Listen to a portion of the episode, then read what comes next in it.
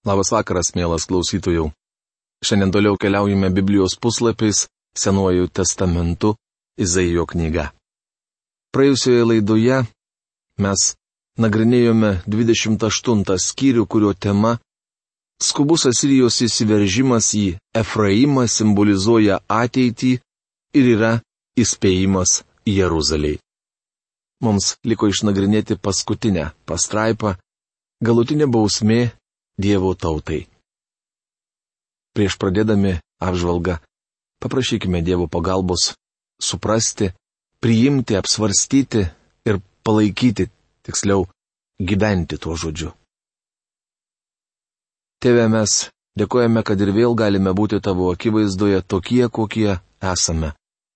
Dėkojame tau už gyvenimą ir už pragyvenimo dalykus ir už galimybę gyventi šiandieną ramybėje ir taikoje mūsų šalyje.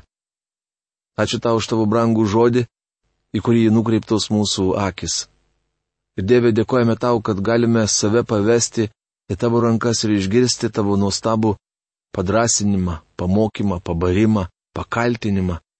Juk tavo žodis yra gyvas ir paveikus, aštresnis už bet kokį dviešmenį kalaviją ir prasiskverbia iki sielos ir dvasios atšakos.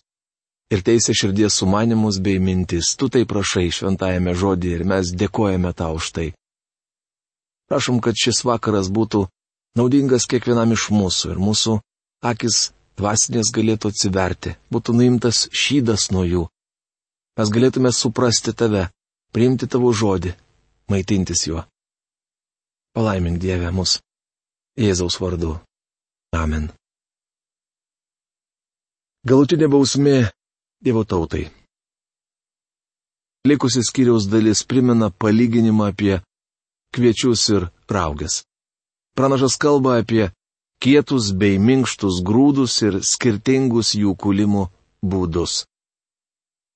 Juk kai dirba jau supurenta, argi jis neberia krapų ir kmynų, argi nesėja kviečių ir miežių biržėse, o pakraščiuose kitų javų? Izaijo knygos 28 skyriaus 25 eilutė.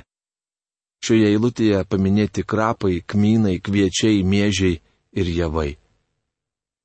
Ir krapų jis nekulia dantytais volais, o ant kmynų neridena kuliamojo veleno, nes krapai išbloškiami vytimi, o kmynai nudaužomi lasda.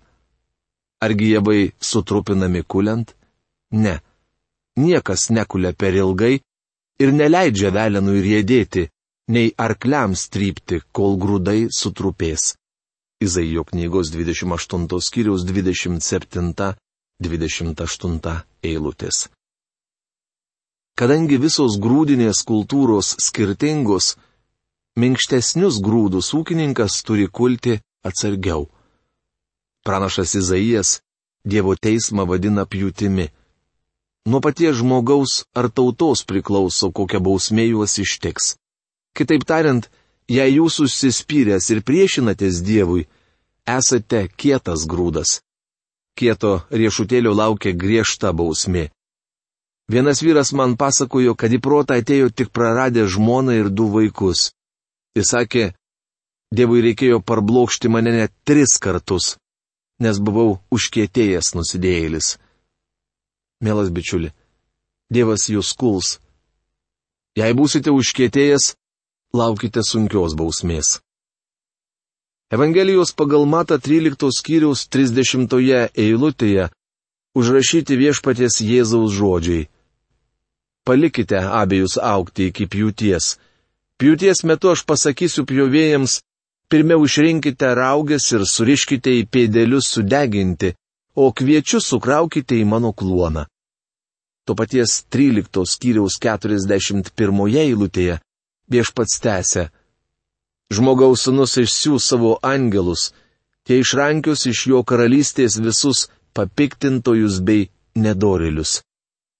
Tai svarbi žinia. Mes patys pasirenkame bausmę. Jei paklausysime jo, jis priskirs mus prie kviečių. Tik taip galime išvengti griežtos bausmės. Izaijo knygos 29 skyrius.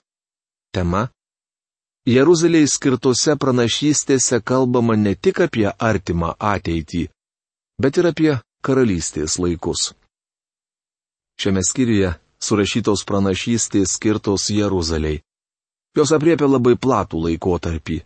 Čia kalbama ir apie Sanheribo antpolį, ir apie laikus, kai Jeruzalė mindžiaus pagonys. Be to čia taip pat pranašaujama ir apie paskutinį Jeruzalės užėmimą.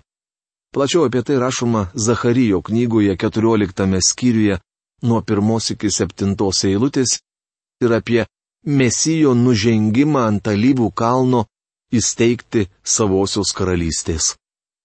Šis skyrių naudinga palyginti su mūsų viešpaties ištarmėmis apie Jeruzalę. Kaip jau minėjau, jos užrašytos Evangelijos pagal matą nuo 23 skyriaus 37 eilutės iki 24 skyriaus 2 eilutės. Apie Jeruzalę rašoma ir Evangelijoje pagal Luką 13 skyriuje nuo 34 iki 35 bei šios Evangelijos 21 skyriuje nuo 20 iki 24 eilutės.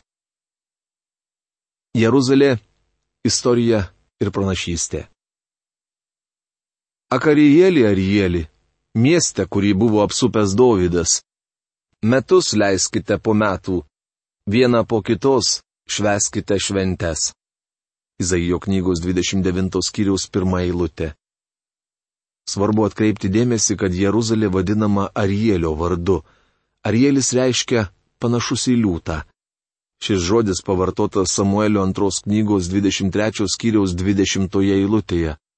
Ten rašoma, kad Jehujados sunus Benajas iš Kapcelio buvo narsus karys atlikęs žygdarbių. Jis užmušė du Moabo Arielio sūnus. Žodis Arielis dar reiškia dievų liūtas. Ezekėlio knygos 43 skyriaus 16 eilutėje šis žodis išverstas žodžiu aukuras, o tam tikrame kontekste gali reikšti Dievo aukuras. Abi šio žodžio reikšmės tinka Jeruzalės apibūdinimui. Toliau skaitytoje Izaijo pranašystės eilutėje sakoma mieste, kurį buvo apsupęs Dovydas. Liūtas yra skiriamasis Davido giminės ženklas. Apreiškimo knygos penktos skyriaus penktoje eilutėje mūsų viešpats vadinamas liūtu iš judo giminės. Kadangi Jeruzalėje stovėjo Dievo šventikla ir, žinoma, aukuras, kartai žodis Arielis reiškia Dievo aukuras. Tai įspūdinga pranašystė apie Jeruzalę. Ji pradėjo pildytis Izaijo dienomis ir dabar tebesipildo. Pasivaikščioje Jeruzalės gatvėmis, įsitikintumėte tuo patys. Beje, ji pildysis ir toliau. Aš suvarginsiu Arielį, bus jame dėjonių ir raudų, ir Jeruzalė man bus lik Arielis. Izaijo knygos 29 skyriaus antra eilutė. Tai bausmė Jeruzaliai apsupsiu ją kaip Dovydas, apstatysiu ją saugų bokštais, apjuosiu apgulos pylimu. Parblokšta ant žemės kalbėsi, iš dulkių aidės tavo žodžiai, tartum iš po žemės bilotų vėlė, toks bus tavo balsas, o tavo žodžiai bus tarsi šnapždesys iš dulkių.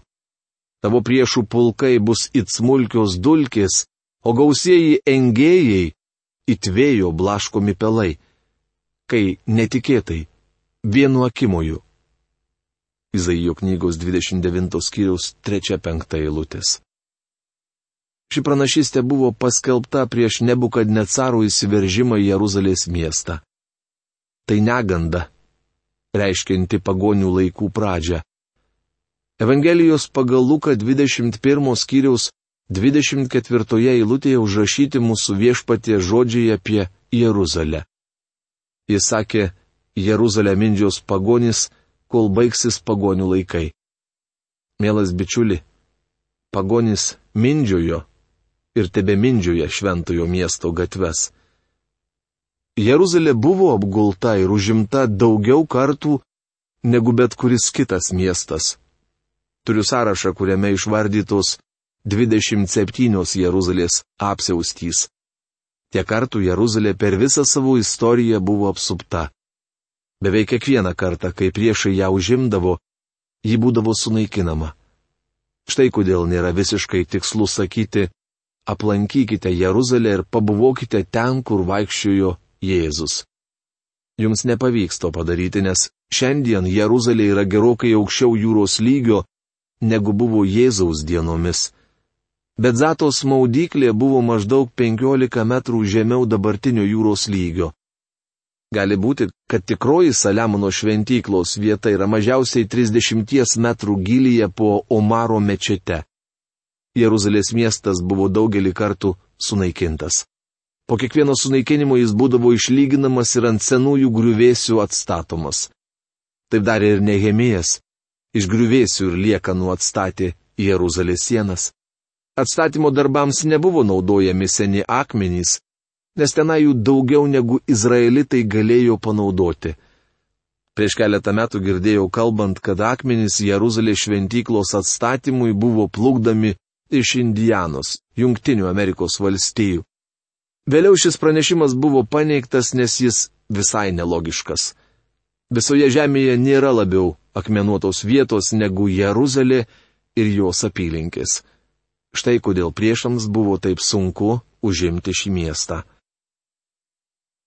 Galybių viešpats aplankys tave, perkūnyje žemės drebėjimų, galingų užėsių, viesulų, audra ir rajos ugnies liepsna, kaip sapnas, kaip nakties regėjimas, atrodys minė visų tautų, kovojančių su Arieliu, visais apgulos įtaisais. Kaip alkanas sapnuoja, kad valgo, tačiau nubunda toks pat alkanas, arba kaip trokštantis sapnuoja, kad geria, tačiau nubunda pavargęs ir troškulio kamuojamas. Taip nutiks ir tautų miniai, kovojančiai su Siono kalnu. Izaijo knygos 29 skyrius 6-8 eilutės. Galutinė Jeruzalės apsiaustis bus baisiausia iš visų. Apie tai rašoma Zacharijo knygos 14 skyriuje. Tačiau pačiu paskutiniu momentu įsikiš Dievas ir išgelbės savo tautą nuo visiško sunaikinimo. Žlugs visos Dievo priešų svajonės įsteigti savo karalystę, nes Dievas juos numalšins. Tuomet pats įsteigs savo karalystę, kaip yra žadėjęs. Jeruzalė - prasme ir žinia. Būkite neryštingi, gušiokite pečiais, apakinkite save ir būkite akli. Būkite girti, bet ne nuo vyno. Sviruokite, bet ne nuo svaigiojo gėrimo. Gilaus snaudulio dvasia viešpats išlėjo ant jūsų. Jis aptemdė jūsų akis, pranašus ir jūsų galvas, regėtojus. Izaijo knygos 29 skyrius 90 eilutės. Aš jau minėjau, kad Izaijas yra šiuolaikiškas pranašas, o jo žodžiai tinka moderniai kultūrai. Ar Dievas iš tikrųjų užmėgdė Izraelitus? Kokiu būdu? Jis nuolat siūsdavo jiems šviesos, o jie vis ją atmesdavo. Izraelis nematė ir nepriėmė Dievo duotos tiesos. Tai rodo, kad jie buvo akli. Štai taip Dievas užmigdo žmonės ir atskleidžia jų aklumą. Net pranašai ir valdytojai nelaukia Dievo išgelbėjimo. Jie kaip ir Dievo priešai nematė ateities, tarytum būtų visiškai girti. Viso to regėjimas jums yra tarsi užanspauduotos knygos žodžiai.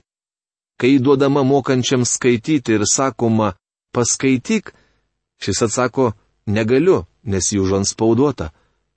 O kai jį duodama nemokančiam skaityti ir sakoma, paskaityk, tas atsako, nemoku skaityti. Izaijo knygos 29 skyriaus 11-12 eilutės. Artėjant galutiniam Dievo išgelbėjimui, net Dievo žmonės laikysis nuostatos, jog pranašystės pernelyg painios, kad jas galima būtų suprasti. Jie sakys, kad tai užanspauduota, neįkandama tema. Šiandien panašios nuostatos laikosi daugelis bažnyčios vadovų ir pamokslininkų. Esu girdėjęs seminarijų profesorius ir tarnautojų sakant, žinote, apreiškimo knyga užanspauduota. Niekas negali jo suprasti. Tie, kurie tvirtina, jog apreiškimo knyga užanspauduota ir nesuprantama, iš esmės sako tą patį, ką apie pranašystę žmonės kalbėjo Izaijo dienomis. Šiandien žmonės sugalvojo dar vieną pasiteisinimo būdą. Sakosi labai užsijėmę ir neturi laiko Dievo žodžio studijoms. Krikščionys visai stengiasi pateisinti šventojo rašto neišmanimą. Graikų kalbos žodis apokalipse reiškia apreiškimas arba tiksliau pasakius tai, kas atidengta. Dievas nuplėšė nuo apreiškimo knygos anspaudą, kad mes galėtume ją suprasti. Tam tikra prasme tai pati paprasčiausia knyga visoje Biblijoje. Tačiau, kad ją suprastume, turime išmanyti ankstesnės 65 knygas. Tai paskutinioji šventojo rašto knyga tad Biblijos studijų nederėtų pradėti nuo jos. Ji labai sisteminga. Sudaryti apreiškimo knygos planą buvo lengviausia. Tad nesakykite, kad tai simboliška, užanspauduota knyga, kurios mes negalime suprasti. Ta pati žmonės kalbėjo Izaijo dienomis. Dievas teis jūs už tokį nusistatymą, nes jei jūs neatsimerksite ir nepažvelgsite į jo siunčiamą šviesą, tapsite aklas. Paklausykite, ką Dievas sako apie prieškimo knygą, jos pirmos kiriaus trečioje eilutėje.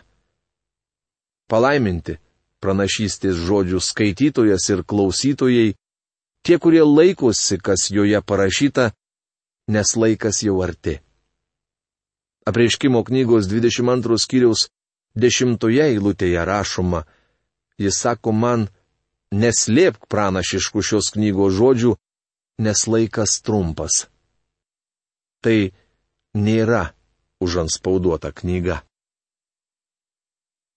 Viešpats ištarė, kadangi ši tauta tik liežuviu, tesertina prie manęs tik lūpomis te garbina mane, jo širdis nutolusi nuo manęs, tik žmonių išmoktų įstatymų tesirėmė mano garbinimas. Izaijo knygos 29 skyriaus 13 eilutė.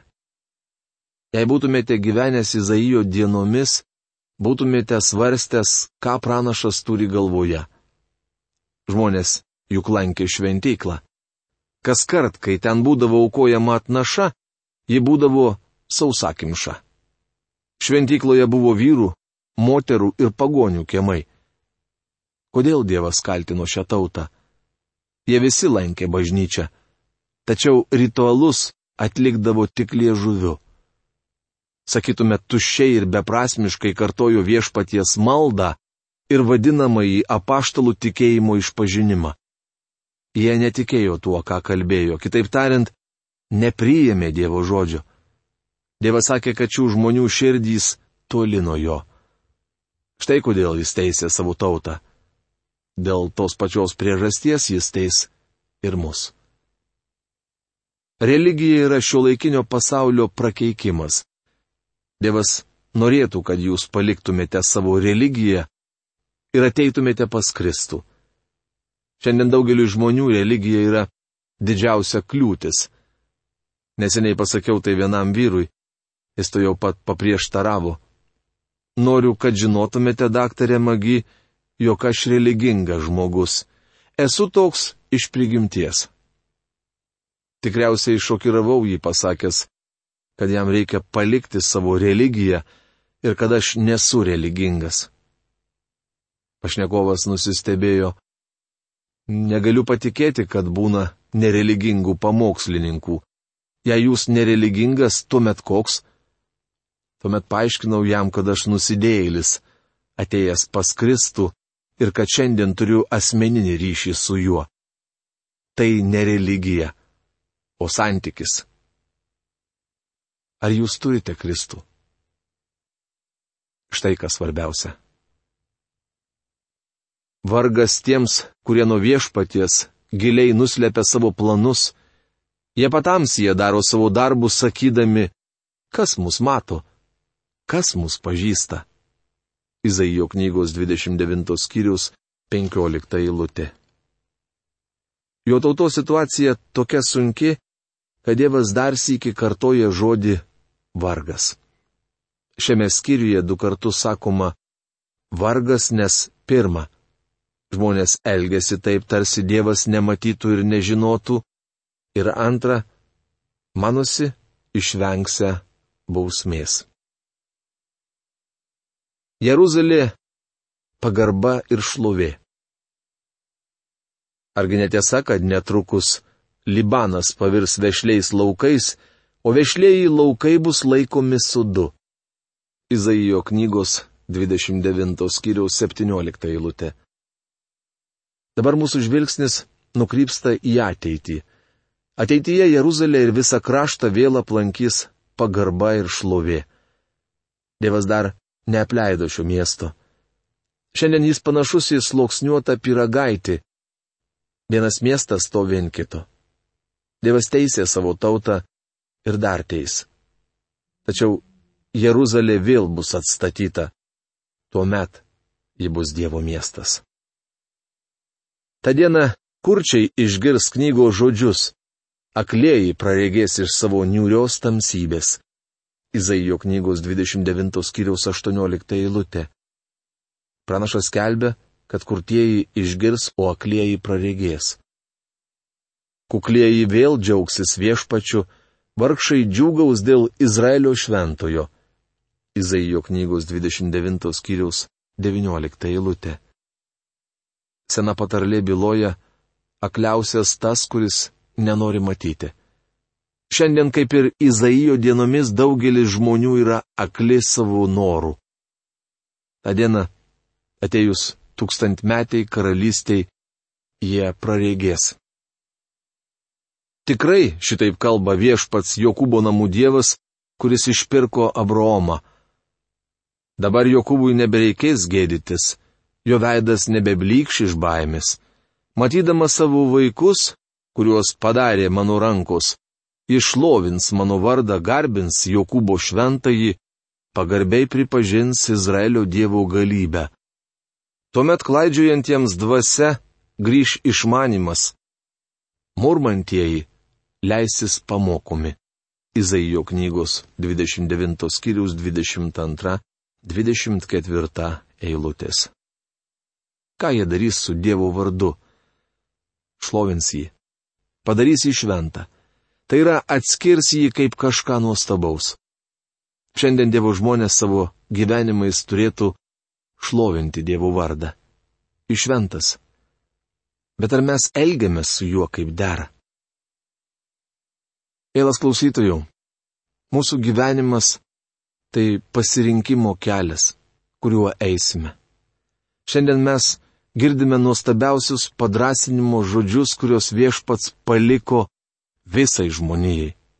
Reiškia, ir tau klausytojų. Neatsitrauk nuo jo. Sustok akimirką. Susimastyk apie tai, kas su tavimi šiandien vyksta. Iš kur tu atėjai ir į kur keliauji. Nelik abejingas savo gyvenimui. Nebūk kurčias ir aklas, bet išgirsta padrasinimo žodį. Juk tau yra skirtas šis dėdis išganimas. Iki greito sustikimo.